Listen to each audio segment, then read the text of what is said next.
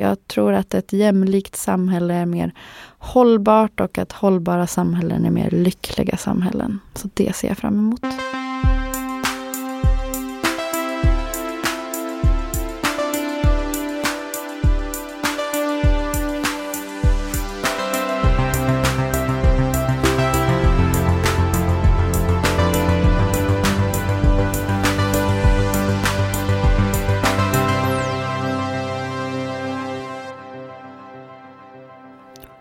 Jämställdhet skapar inte bara trevligare och mer hållbara och lyckliga samhällen. Det kan också bidra till ökad lönsamhet i företag, visar forskning.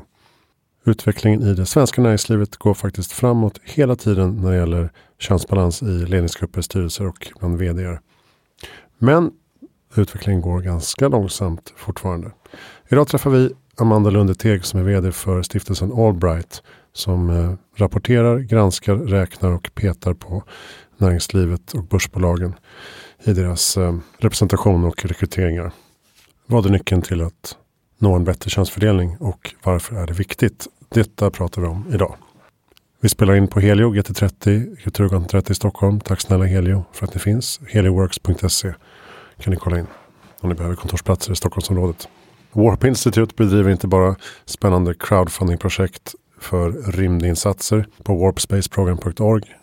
Och de driver inte heller bara Sveriges mest optimistiska Facebookgrupp utan de har även en liten föreläsningsverksamhet också. Där ni kan boka mig för att prata om Heja Framtiden och eh, vad jag har lärt mig under de första 50-60 intervjuerna som jag har gjort med eh, framtidsexperter. Boka det så kommer jag dyka upp som en eh, stirrig örn på fredagsfikat. Glöm inte att prenumerera på nyhetsbrevet Nodentrender från noden.se. Signa upp för det. Tack Noden. Och gå även in och kolla lite på va.se poddar. Där ligger lite Heja Framtiden-artiklar som ni kan läsa om näringslivsinriktade avsnitt. Tack snälla Veckans Affärer för att ni finns och samarbetar med Heja Framtiden. Läs mer om allting på hejaframtiden.se och jag finns på kishafonessen.com. och eh, lägg gärna till mig på LinkedIn så kan vi eh, ha utbyte av varandra på något sätt där. Yes, nu till ett efterlängtat avsnitt med den fantastiska Amanda Lundeteg. Bra, välkommen till Här Framtiden Amanda Lundeteg. Tack så mycket. Eh, vd för en organisation som heter Allbright. Är det en organisation eller en förening? Ja, men det är en organisation, det är en stiftelse Just närmare stiftelse. Mm. Kan du beskriva vad eh, Allbright är och gör? Ja, Allbright är en partipolitiskt obunden organisation som arbetar för jämställdhet på ledande positioner i näringslivet. Eh, och det gör vi genom två arbetssätt kan man säga. Det ena är opinionsbildning eh, med våra listor och kartläggningar där vi försöker sätta press på företagsledare att bli bättre på de här frågorna. Eh, skampåle, uthängning är ju vi lite kända för. Vi har en röd lista med bolag som missköter sig. Eh, men sen försöker vi också lyfta förebilder såklart. Så vi har vår gröna lista eh, där vi lyfter bolagen som har en jämställd representation. Eh, vi delar också ut det här Allbright-priset varje år till ett bolag som utmärker sig när det kommer till jämställdhetsarbetet. Eh, vårt andra ben är eh, utbildningsbenet och det blir starkare och starkare det benet. Vi får många förfrågningar nu om att komma ut och hjälpa bolagen att bli bättre eh, på att befordra kvinnor, på att behålla kvinnor i organisationen. Så att vi är ute och kunskapshöjer chefer och medarbetare om de här dolda strukturerna och normerna som påverkar oss alla. Just det. Och vad, vad är ert grundcase då? Varför är det så viktigt? Eh, ja, alltså dels handlar det ju om rättvisa såklart. Eh, att eliminera diskriminering. Jag tror ingen eh, tycker att det är okej okay att kvinnor utgör halva delen av befolkningen men inte har access till ledande positioner i samma utsträckning som män. Men sen så handlar det också om lönsamhet. Det kommer ju ny forskning hela tiden som visar på att blandade bolag är bättre bolag. Just det. Alltså lönsammare om man har en högre andel kvinnor i ledande positioner? Ja, det man har sett är ju att bolag som har en blandning i toppen eller som har en högre andel kvinnor eh, också går bättre. Det finns studier som visar på att Eh, med kvinnor i styrelsen så minskar risken för bolag att gå i konkurs. Eh, det finns en jättestor studie som har gjorts i över 90 länder, 22 000 bolag. Eh, där man tittar på ledningsgruppen, alltså nivån under styrelsen. Och då har man sett att med minst 30% kvinnor i ledningen så gör bolagen högre resultat. Och det är en väldigt stor och stark studie som, som pekar på fördelen med att eliminera de här hindren som finns för, att, för kvinnor att ta sig fram. Och det som, det som är eh, kul med att uh, intervjua dig, vi har gjort det, vi har sett ett par gånger tidigare. Mm. Uh, det är att du oftast har en positiv approach till det här arbetet. Ja, man... Alltså det är inte nattsvart utan det går faktiskt framåt. Ja det gör det verkligen. Och liksom, eh, jag försöker så kni sticka kniven i magen med ett leende samtidigt. Nej men alltså det är ju Det är ju ändå hoppfullt. Det går framåt hela tiden. Förvisso med myrsteg i snigelfart eh, på vissa områden. Men Eh, men så länge som det går framåt så är jag positiv. Annars skulle jag inte orka jobba med de här frågorna. Och vi ser jättetydligt att vårt arbete ger resultat. Eh, och vi får mycket positiv feedback. Och så det gör ju att man orkar hålla ångan uppe. Mm. Och den senaste rapporten som finns på hemsidan där visar att andelen vd har ökat med Alltså kvinnliga vd i börsbolag ökat med 65 procent. Ja. Från, från 2017 till 2018. Ja, vad har hänt där? Ja precis, den här ökningen på 65 procent låter ju helt uh, gigantisk. Mm. Och det är en stor ökning men vi kommer ju från pinsamt låga nivåer så det ska man ju komma ihåg. Um, men man kan säga att det blir som en snöbollseffekt. Uh, för vi ser att um, styrelser som har många kvinnor tenderar att ha många kvinnor i valberedningarna. Vi ser också att um, att eh, bolag som har många kvinnor i styrelsen tenderar att ha kvinnor på vd-posterna. Eh, kvinnor på vd-posterna ger i sin tur fler kvinnor i ledningarna. Eh, vi ser att vd-kvinnorna också är bättre på att befordra kvinnor till de här linjepositionerna. Eh, som är tunga positioner som ofta leder till eh, att du kan ha en karriär i en styrelse sen till exempel. Mm. Så att vd-kvinnor har 47% kvinnor i ledningarna och 47% kvinnor i linjen. Och det kan jämföras då med vd-männen som har 26% kvinnor i ledningarna och 11 eh, i linjen. Yes, vad, är, vad är hönan och ägget då? Vad är liksom mest effektivt att uh, få till? Var är, var är förändringen som mest effektiv? Mm. Det måste börja i toppen. Eh, framförallt i ledningsgrupperna så skulle det kunna hända, alltså får man fart på dem, då skulle det kunna ha väldigt stor effekt för hela arbetsplatsen. För att även om vi kommer till rätta med styrelserna så innebär inte det att vi nödvändigtvis kommer komma till rätta med ledningarna. För styrelserna har ju en lite speciell rekryteringsprocess. Det är inte så att du blir befordrad inom ett bolag till en styrelse.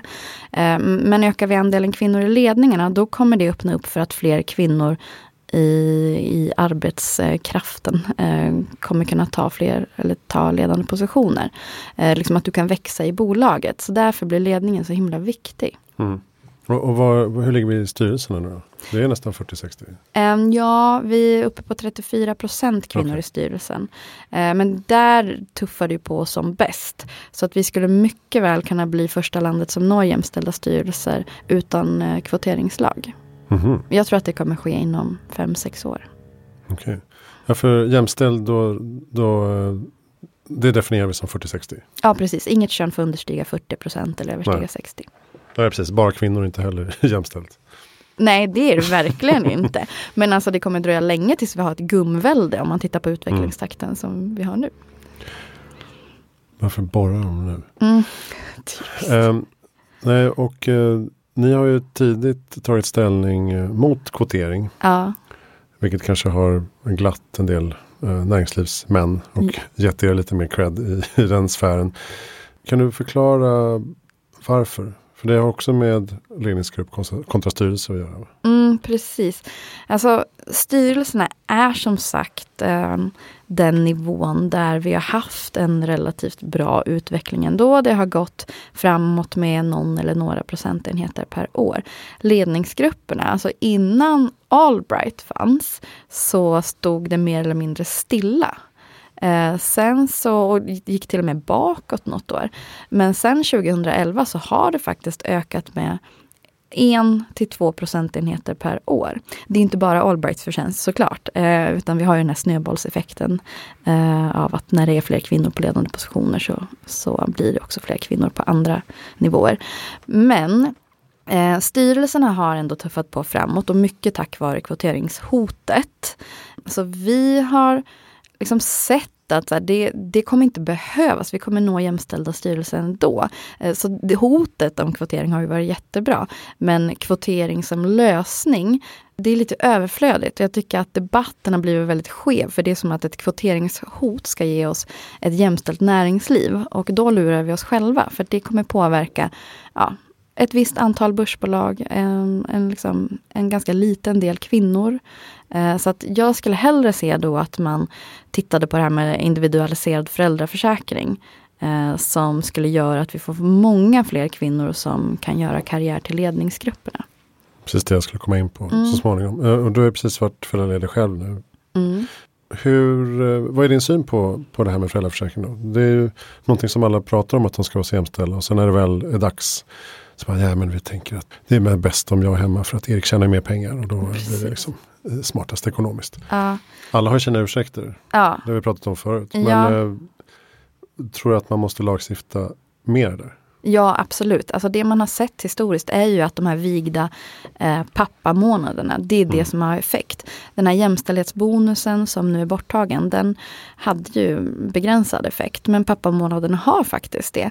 Eh, så när man vet det tycker jag att det är korkat att inte helt individualisera den. Eh, så att, ja, nej, jag tycker att det är superviktigt för att Eh, kvinnor ska kunna göra karriär för att eh, liksom, inte hämma löneutvecklingen för kvinnor. Ehm, för att kvinnor ska få högre pensioner. Eh, så det kommer påverka arbetsmarknaden på så många plan. Och fastnar man i att man är hemma länge och därmed kanske bara kan jobba deltid sen så är det också lättare att man tar ut vab, att man är hemma att man tar liksom allt ansvar för familjen. Absolut. Men sen måste jag också säga det att eh, Alltså absolut, väldigt positivt såklart att det kommer ha massa fördelar för kvinnor i arbetslivet. Men jag tänker att den största behållningen kanske är att våra barn får växa upp med närvarande fäder. Eh, jag tror att, eh, att det är så himla bra för män och mansrollen att vara hemma med barn. och eh, Uh, ja, man lär sig massa av det och man bygger en väldigt bra relation för framtiden med sitt barn. Mm, verkligen. Uh, Vox har ju nya poddar, bland annat den som heter The Impact, som handlar om hur man gör social skillnad. Så att säga. Uh, och det, ett av deras senaste avsnitt heter Denmarks Paternity Leave Problem. Mm -hmm.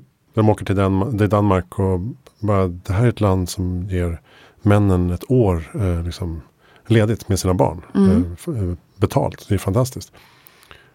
Och så när, ju mer de undersöker desto mer framkommer då att eh, de inte tar ut det här året. Och det förstår de inte. Varför tar ni inte ut det här? Mm. Och då hittar de då massa kulturella aspekter. Att uh, det är lite knepigt på arbetsplatsen och man kanske hånas om man uh, är, är, hemma för mycket. Man anses uh, ja, inte kunna bidra tillräckligt till, till företaget. Och eh, jag, jag går ju liksom småkokar när jag, när jag hör det här programmet. För att det är så uppenbart för vem som helst annars i världen. Och så kommer man till Sverige, Norge, Danmark. Och så bara vi har det här framför oss, framför näsan. Och vi väljer ändå bort det. Mm. Det är faktiskt helt sjukt när man tänker på det. För att tänk när dina barn kommer till dig i framtiden och bara Men pappa, varför valde du att jobba när du kunde vara hemma med mig? Uh, Alltså jag tror att många skulle skämmas då. Eller, ja, jag hoppas i alla fall det. Men det är ju de här seglivade strukturerna som hänger kvar. Att som man ska du liksom dra hem köttet till grottan. Och eh, ja, men Det finns en syn på män att så här, man ska vara hård och tuff och klara och jobba mycket och sådär. Och ja, vi hör det jätteofta när vi är ute på företag och utbildar att män blir ju lite uppmuntrade att, liksom, att, att vara väldigt närvarande även om man är på föräldraledighet. Eh, att det lyfts fram som något positivt. Att så här, ja, men när, när du var föräldraledig, att du fick ju ändå gjort det här och det här och det här. Och du kom in på det här. Att det liksom, ja, du uppmuntras att vara på jobbet ändå. Och det tror jag gör att många män känner att uh, man ska inte vara hemma längre, att det premieras inte. Eller så är de fortfarande, tycker jag många är liksom stolta över att de tar tre månader. Mm. Sådär. Mm. Ja, jag, jag, vi, jag och min fru tog ju, vi har ju frilansat båda två. Så att eh, vi, kunde, vi kan ju inte vara lediga ett år och sen säga hej nu är jag tillbaks. Uppdragsgivare kommer vara, vem är du? Mm. Eh, så att vi har ju delat på varje dag 50-50. Mm. Och sen men du tar förmiddagen och eftermiddagen och så jobbar man när man kan. Så att vi har ju i princip aldrig varit föräldralediga men haft barnen hela tiden så att säga. Det är väldigt mycket så som jag och min mm. Sambo har gjort också. Men då är ju vi, vi har ju sådana jobb som är flexibla, tänker jag. Att det är mm. långt ifrån alla som har det. Men samtidigt är det ju betydligt fler eh, som har flexibla jobb som skulle kunna göra den uppdelningen som du och jag har gjort, som inte mm. gör det. Eh, det är ju fortfarande så att kvinnor tar ut eh, cirka 75% av föräldraledigheten. Så, att, Eh, så behöver det ju inte se ut. Jag tror man bara måste planera lite bättre. Eh, om jag och min kille inte hade planerat, för han, han har också eget företag, så det kan ju vara lite trixigt. Eh, men om, om vi inte hade planerat för, okej, okay, så här, men här, här kommer du kanske behöva att jobba lite mer, då får jag ta lite mer föräldraledighet då, och så får man pussla ihop det lite. Men jag tror inte att man ska bara här, få ett barn och tänka att man löser det allt eftersom, utan man får ta höjd för saker och ting. Mm. Bestämma hur man vill leva. Mm. Precis, och kanske också tänka på vilka kostnader eh, man kommer ha och liksom också kanske inte maxa sina utgifter inför att man ska ha barn. För då, då kan man ju använda det som ett argument också. Att så här, nej men han ska jobba för att han har högre lön. Då får man ju se till att liksom även planera där för att man har att man lever på en nivå som tål att båda kan vara hemma. Mm. Men huvudsaken är att vi, att vi här är väldigt bra. Ja. Mm. Så jävla självgott här inne nu. Men ni har också gjort många nedslag på specifika branscher. Eh, där ni undersökt jämställdheten. Och eh, ska se, vilka är det? Jurister bland annat? Mm. Eh, vi har tittat på eh, precis juristsektorn. Eh, då tittade vi på advokatbyråer och domstolsväsende. Just uh, och sen har vi också kollat på, det kan ju vara i speciella ämnen då. Uh, vi har tittat på um, valberedningarna specifikt. Vi har tittat specifikt på styrelserna. Nu senast tittade vi på Um, ja, det var valberedningen, men året innan det private equity-bolagen. Mm. Uh, och nu kommer en väldigt spännande rapport uh, den uh, 8 april. som är helt utanför börsen. Kan jag säga. Ja, um, så att vi, vi gör ett litet, um, ja men vi kliver utanför, försöker bredda oss och påverka på andra arenor. Du kan säga Ja, du får ringa upp mig eh, närmare april och klippa in det. ja, Okej, okay. okay, men det, du, du tror att det blir en liten bomb? Ja, det tror jag. Det är en drömrapport som jag har haft på min önskelista väldigt, väldigt länge. Så att, eh, den kommer garanterat att röra om. Hmm. Och när ni, när ni ser problem i en specifik bransch till exempel. Var är ofta eh, flaskhalsarna? För att jag tänker ofta att eh, det kanske är fördomsfullt men att eh, HR-funktionerna ofta är kvinnor. Mm. Men rekryteringarna premierar män. Mm. Var, var är det det går liksom snett? Är det kulturen som är mm. Men jag ska ingrott? säga att numera så är det inte jättemånga som, som säger liksom att vi hittar inte kompetenta kvinnor. Utan Eh, bolagen har fattat att eh, det finns kompetenta kvinnor och de går att rekrytera till ledande, ledande positioner. Eh, men det svåra är att behålla kvinnorna. Eh, och kvinnor tenderar att söka sig till bolag där det är andra kvinnor. Eh, så att, att få ordning på arbetsplatskulturen skulle jag säga är det absolut viktigaste. Eh, och då behöver man ju kartlägga och se om människor känner sig inkluderade, om det finns en sexistisk jargong, um, fånga upp det här med härskartekniker och så vidare. Mm. Men gällande HR-funktionen så satt jag i ett möte igår med eh, en en eh, väldigt erfaren eh, näringslivskvinna som sa att eh, i hennes dialoger med eh, vd så tycker hon ofta att de är på hugget och vill driva förändringen. Eh, och även affärsområdeschefer eh, och HR till viss del. Men problemet blir ju att HR ska vara Eh, de som implementerar eller driver förändringsarbetet. Och ofta får HR väldigt knappa resurser. Eh, så att det blir, det blir tungt och då förstår jag att man som HR-funktion kan bli lite avig till det här förändringsarbetet. Jag tror inte att det är att de inte vill, eh, de saknar inte kunskap, utan det är helt enkelt att de ska stånga sig blodiga med knappa resurser. Och sen är det väl också en, en välkänd företeelse att, att män ofta höftar lite i sina ansökningar. Att de tycker att ja men det här kan jag typ. Medan kvinnor är väldigt mer stikta i så här, nej det här, de här kraven uppfyller inte jag, därför ska jag inte söka den här tjänsten. Ja, exakt så är det ju. Män har en övertro till sin egen förmåga. Att om det står liksom att så här, du ska ha um, två års erfarenhet av att eh, bo i Japan och prata japanska, säger vi. Eh, då är det liksom så här, ja, ja, men jag var där i ett halvår och jag har ju läst, jag har tittat på mycket japanska program. Alltså nu eh, blir det väldigt grovt, men liksom det är den, så här, man har väldigt hög tilltro till sig själv, kanske överdriver eh, sin kompetens. Medan kvinnor är liksom mycket mer eh, nära verkligheten, skulle jag säga. Att det behöver inte vara att man förminskar, liksom underdriver det man kan, utan man är mycket mer bara liksom medveten om vad man kan. Mm. Men ofta kanske rädda för det man inte kan då. Alltså medan män är mer så här, äh, det där kan man lära sig. Mm. Ja, nej men så kan det absolut vara. Men jag skulle säga att det stora problemet är nog att eh, män har en ganska liksom, saftig över tro till sin förmåga. Att man skulle kunna bli lite mer rimlig där. Det är lite som det här som man brukar prata om att eh, när kvinnor och män ska göra presentationer så kommer alltid kvinnor sjukt förberedda och liksom har koll på allt, är väldigt strukturerade. Eh, och så vidare. Och männen kommer lite mer så här, glider in, har ingen eh, liksom powerpoint och bara tar saker lite på volley och sådär.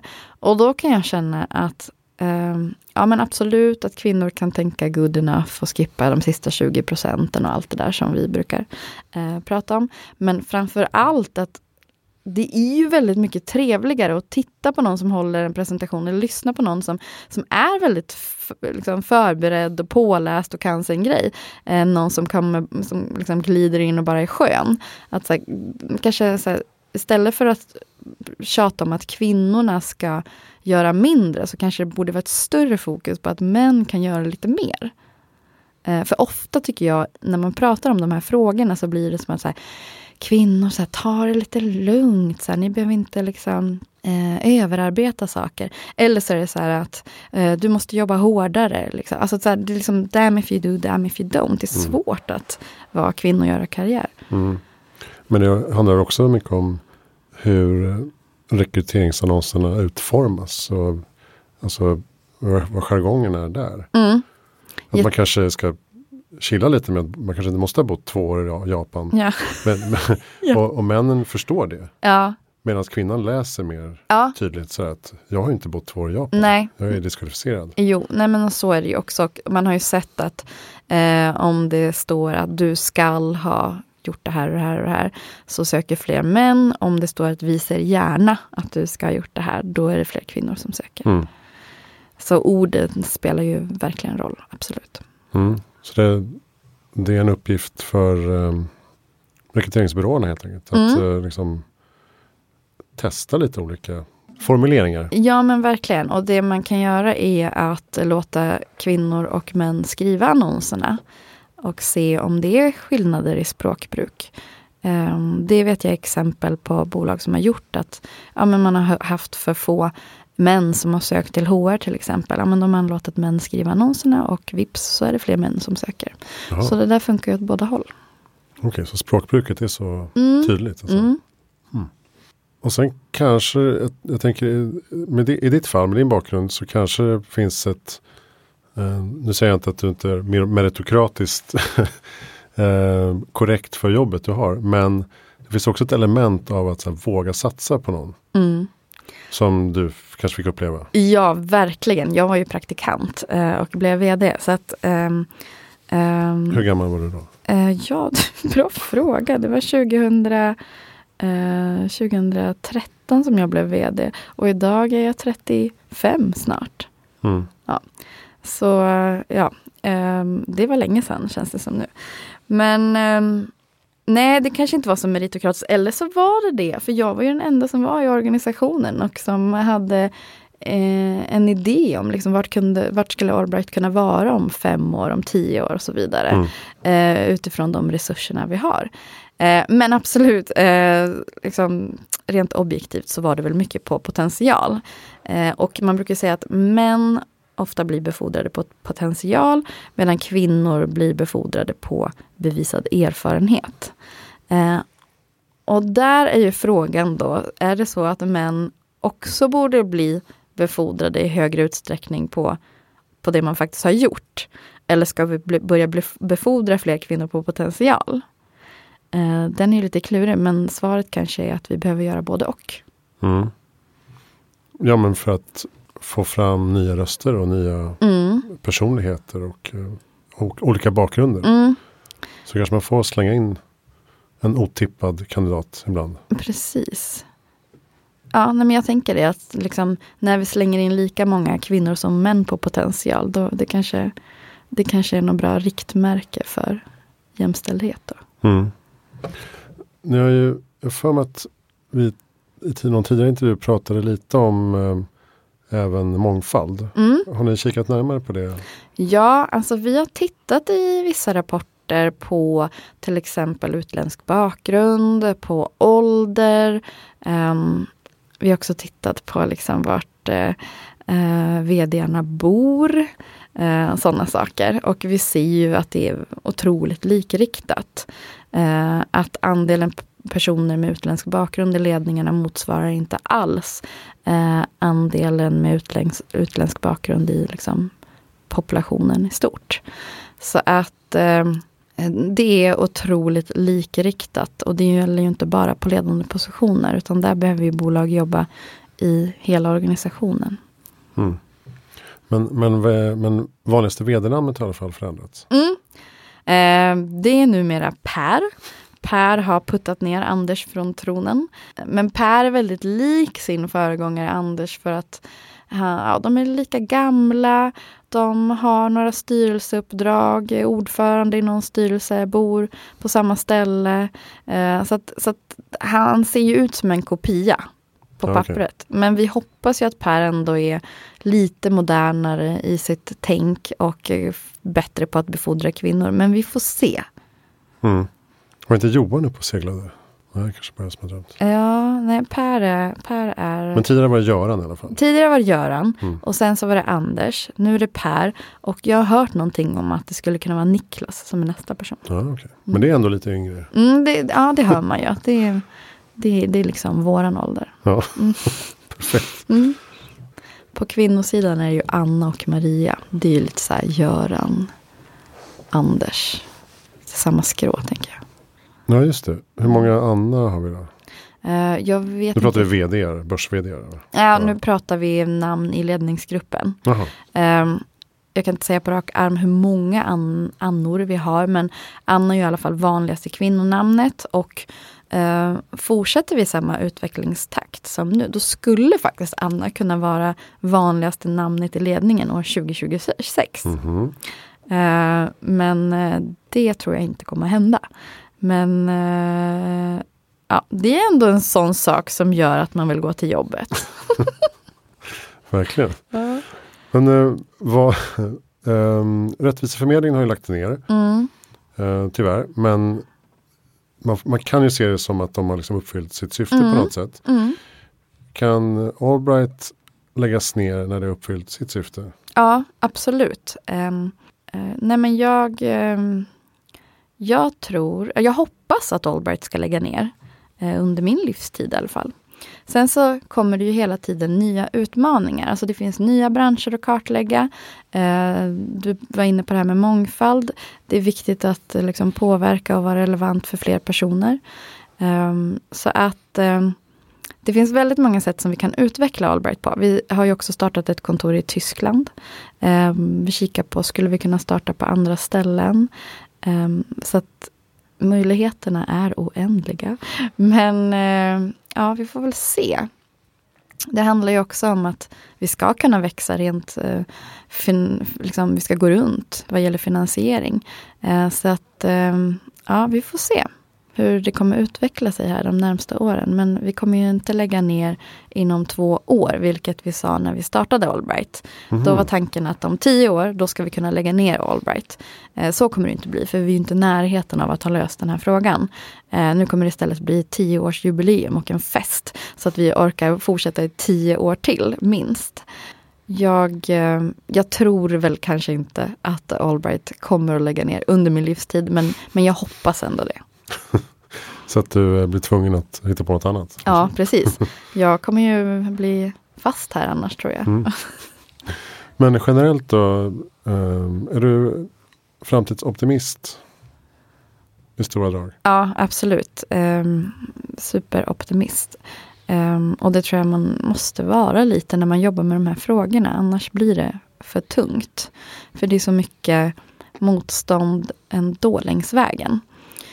Um, men jag tror att vi kommer ha en acceleration vad gäller kvinnor på ledande positioner.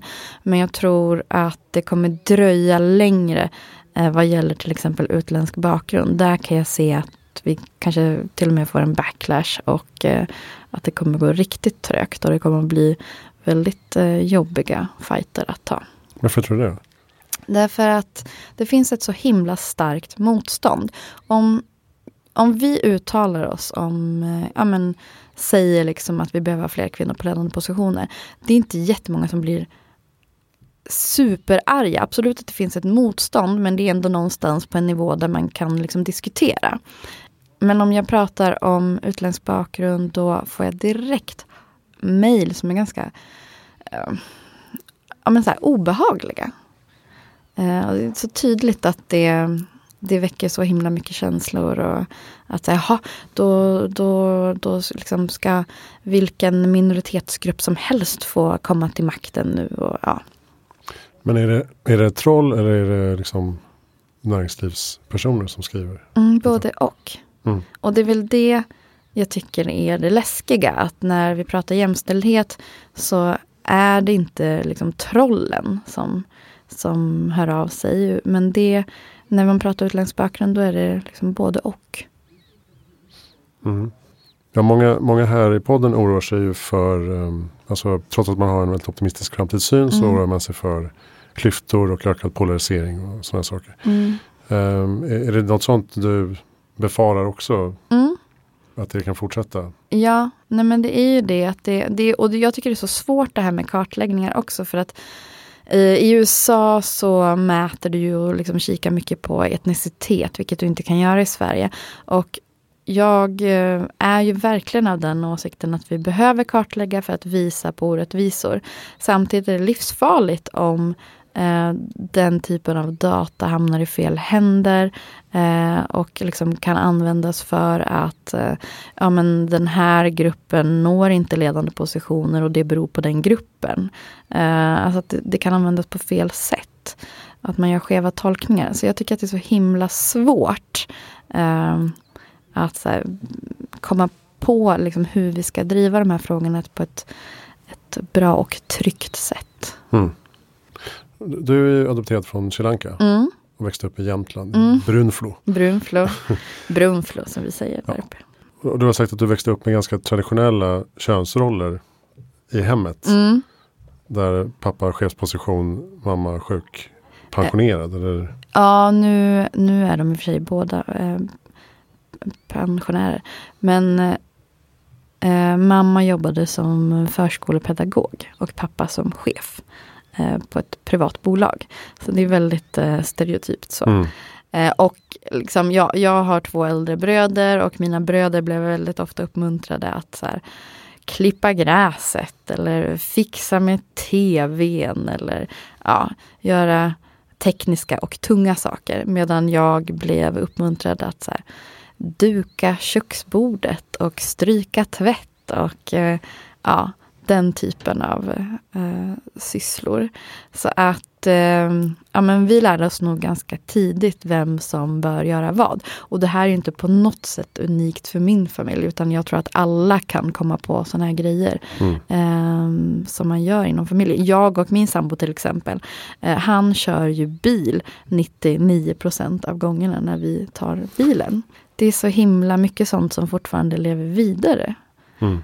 Um, ja, sen, det kan ju vara okej, okay, bara man är medveten om. Alltså, att du gör det här och jag gör det här, det är vår deal. Liksom. Ja. Inte bara för att jag är man. Utan... Nej, samtidigt som jag tycker att det är jätteviktigt att inte föra det vidare på vårt barn. Alltså jag vill ju att han ska se att liksom, det är helt rimligt att uh, du som kvinna kör bil och att man kör bil lika bra. Liksom. Uh, så att, ja, jag håller på och försöker jobba med det där. och uh, Uh, ja, nej men det är bra att jag uttalar det här nu för då får jag ta ansvar för att bli bättre på det. Men, men när, när började det klia i dig då? Alltså att eh, det är något som inte riktigt stämmer. Alltså när började du inse att du var intresserad av jämställdhetsfrågor? Ja, uh, ja, men det började väldigt mycket under min studietid. Uh, jag läste ekonomi vid Uppsala universitet. Och lika många kvinnor som män um, på programmet. Men männen var mycket mer tongivande, tog mycket mer plats. Uh, litteraturen var skriven av män, föreläsarna var män. Uh, det var män som pratade rätt ut uh, på lektionerna och sådär. Så att då blev det så himla tydligt för mig att ja, men männen dominerade och att det här är framtidens chefer. Eh, vi pratade också alltid om vdn i case som han. Mm. Eh, och det där störde mig så något så fruktansvärt. Eh, men det var då jag började engagera mig i de här frågorna, började läsa på, ehm, fick mer kunskap, sökte mig till Albright, som då var den enda organisationen som jag kände till som jobbade med de här frågorna. Eh, och då var ju Allbright så himla ny som organisation. Så att jag hörde av mig och sa att jag kan hjälpa till med precis vad som helst och eh, jag gör det gratis. Eh, och det var de ju inte dummare än att de tackade ja till. jag älskar när man så här, hittar på sin egen eh, praktikplats. Ja. Det har jag också gjort. Ja, nej men, och ju, ju, mer jag pratar med folk så är det, det är jättevanligt att det är så man får sitt första jobb har jag förstått. Mm. när jag var på, jag var på tidningen Vice. Mm. Um, min skola hade ingen praktik. Nej. Jag hittade på det. Mm. Så skrev jag C-uppsats samtidigt. Mm. De bara, ja, kan väl vara här. Absolut. Ja. Nej men så var det lite för mig också. Jag, äh, jag, här, jag skulle kunna göra en blogg till hemsidan och intervjua bra personer. Och sen så ja, tyckte jag att de skulle börja betala mig men ja, Albright hade inte råd. Men jag satt kvar där och jobbade ändå. så till slut var det väl lite så här, okej, okay, hon, hon verkar inte gå hem. Vi får väl börja ge henne någon sorts lön då på något vis. Får mm. vi lösa det. får hon bli vd? ja, precis. Ja, perfekt. Jag brukar fråga alla som är med uh, vad ditt bästa tips är för att göra världen till en bättre plats i framtiden. Mm. Eh, och här eh, brukar ju vi lägga ansvaret på framförallt människor med makt, alltså på ledande positioner, att det är de som ska driva förändringen. Eh, och det är det ju. Då, om de liksom använder eh, sin makt till att göra bra grejer, då kommer det ju hända stora saker fort. Men alla vi andra kan ju passa, liksom, pressa på de här luriga maktmänniskorna längs vägen. Eh, jag brukar säga det att eh, som konsument kan du använda din konsumentmakt och till exempel inte handla på bolag som är ojämställda. Eller ja, bolag som eh, är oschyssta i, i, överlag helt enkelt. Eh, som investerare kan du använda din investerarmakt och flytta pengarna från ojämställda bolag till jämställda bolag. Eh, som medarbetare kan du använda din medarbetarmakt eh, och pressa på internt, till exempel lägga Allbright-rapporten på chefens bord eller kanske till och med lämna bolag som, som inte befordrar på meritokratiska grunder. Så att det finns ju någonting som, som vi alla kan göra för att eh, hjälpa de här uh, luriga på vägen helt enkelt. Mm. Bra svar. Uh, och uh, lästips? Lästips? Jag var faktiskt på ett samtal igår eh, med en brittisk författare och journalist som heter Reni. Eh, och hon har skrivit en bok som heter Därför pratar jag inte med vita om ras. Just det. Eh, jag har inte läst den boken. Eh, men utifrån vad jag hörde på det här samtalet så eh, blev jag väldigt, väldigt sugen på att läsa boken. Jag tycker att det låter som att det är en bra uh, guidebok om man inte riktigt vet hur man ska, eh, framförallt som vit kanske då, eh, förhålla sig till de här frågorna. Eller hur man kan vara en del av att driva förändringen. Och för min del eh, så tror jag att jag kommer vilja läsa den bara för att kanske få eh, det jag känner bekräftat, det jag upplever bekräftat. Och för att känna någon sorts så här, samhörighet med andra icke-vita personer. Eh, men den, den är jag nyfiken på. Jag kan säga att den senaste rapporten, eller alla rapporter ligger under allbright.se slash rapporter. Där har du den senaste som heter En spricka i glastaket mm. Eh, från oktober 2018. Ja, alla våra rapporter tycker jag såklart att man ska läsa. Sen tycker jag också att man kan läsa Nina Åkestams eh, senaste bok Feministfällan. Det är bra. Eh, ja, jättebra. Eh, väldigt eh, utbildande. Och eh, podden Raseriet mm. med Ami och Fanna tycker jag också är ja, men den är väldigt intressant och alltid helt aktuell. Eh, förut fanns det en podd som hette Arga flickor. Som jag ändå tycker att um, även om den inte finns längre så är den väldigt utbildande. Så man kan gott lyssna på de samtalen. Um, så här i efterhand också. Sen tycker jag om lite så här lättsammare poddar som En varg söker sin podd.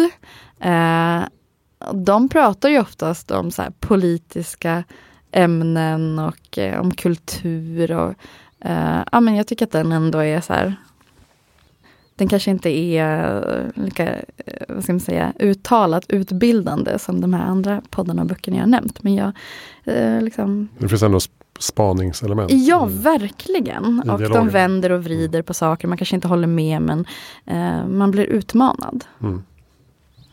Bra. Vem tycker att vi ska intervjua i Heja Framtiden? Då tycker jag nog att du ska prata med Wendy Francis. Mm. Vem är Wendy Francis? Eh, medievetare, föreläsare, opinionsbildare och poet. Ja, precis. Ja, men hon kommer från Arga flickor-podden. Ja, exakt.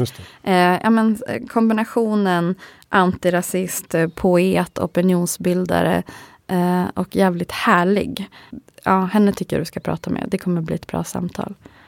Just det. Hon har varit med i podden Statsminister för en dag. Ja, också. alltså faktiskt så tipsade jag om henne dit också. Jag skulle vara med men Jaha. kunde inte. Så då tyckte jag att prata med henne istället. Så nu inser jag att hon är så att, liksom, top of mind. Bra. Oh, en annan person mm. som du borde prata med. Oh, ja, eh, Lovette. Mm. Vet du vem det är? Nej. Hon har ett eh, ett Instagramkonto som heter Action for Humanity. Eh, där hon har massa stories som är otroligt eh, viktiga och eh, utbildande. Också, gud vad jag tjatar om att allting är så utbildande. Men, men eh, till exempel har hon en story om, om begreppet CA, Cultural Appropriation. Um, Just det. Är det Lovette Jallow? Ja, Lovette Jallow. Author of Europe's first makeup book for blacks. Ja, hon är, alltså hon är skitsmart och eh, hon är så jävla vass alltså när det kommer, hon är en äkta aktivist. Men framförallt så kan hon prata om det här med CA, Cultural Appropriation, som jag har så svårt att uttala. Mm. Men hon kan liksom berätta vad det är och eh, ja, men vad det innebär helt enkelt. För jag tycker att det är eh, så många som eh, misstolkar det analyssättet. Mm. Um, sen är det inte säkert att hon orkar sitta här och prata med dig och utbilda uh, vita människor om det. Men du kan ju fråga kanske, i alla fall. Kanske borde. Ja. Um, vad ser du själv mest fram emot i framtiden? Um, Ja, att uh, lägga ner Allbright. uh, nej, men För att det uppnått sitt mål? Exakt, precis. Ja, nej, men jag ser fram emot att vi en dag kommer få ett jämställt och jämlikt samhälle. Jag tror faktiskt inte att det är en utopi. Jag tror att det är möjligt. Jag tror liksom att, att människor ska må bättre. Jag tror att ett jämlikt samhälle är mer hållbart och att hållbara samhällen är mer lyckliga samhällen. Så det ser jag fram emot. Bra. Tack snälla Amanda Lundeteg för att du kom hit till Heja Framtiden. Tack för att jag fick komma. Eh, lycka till vidare och hoppas att du får eh, möjlighet att lägga ner din egen stiftelse så småningom. Med uppfyllt syfte. Ja.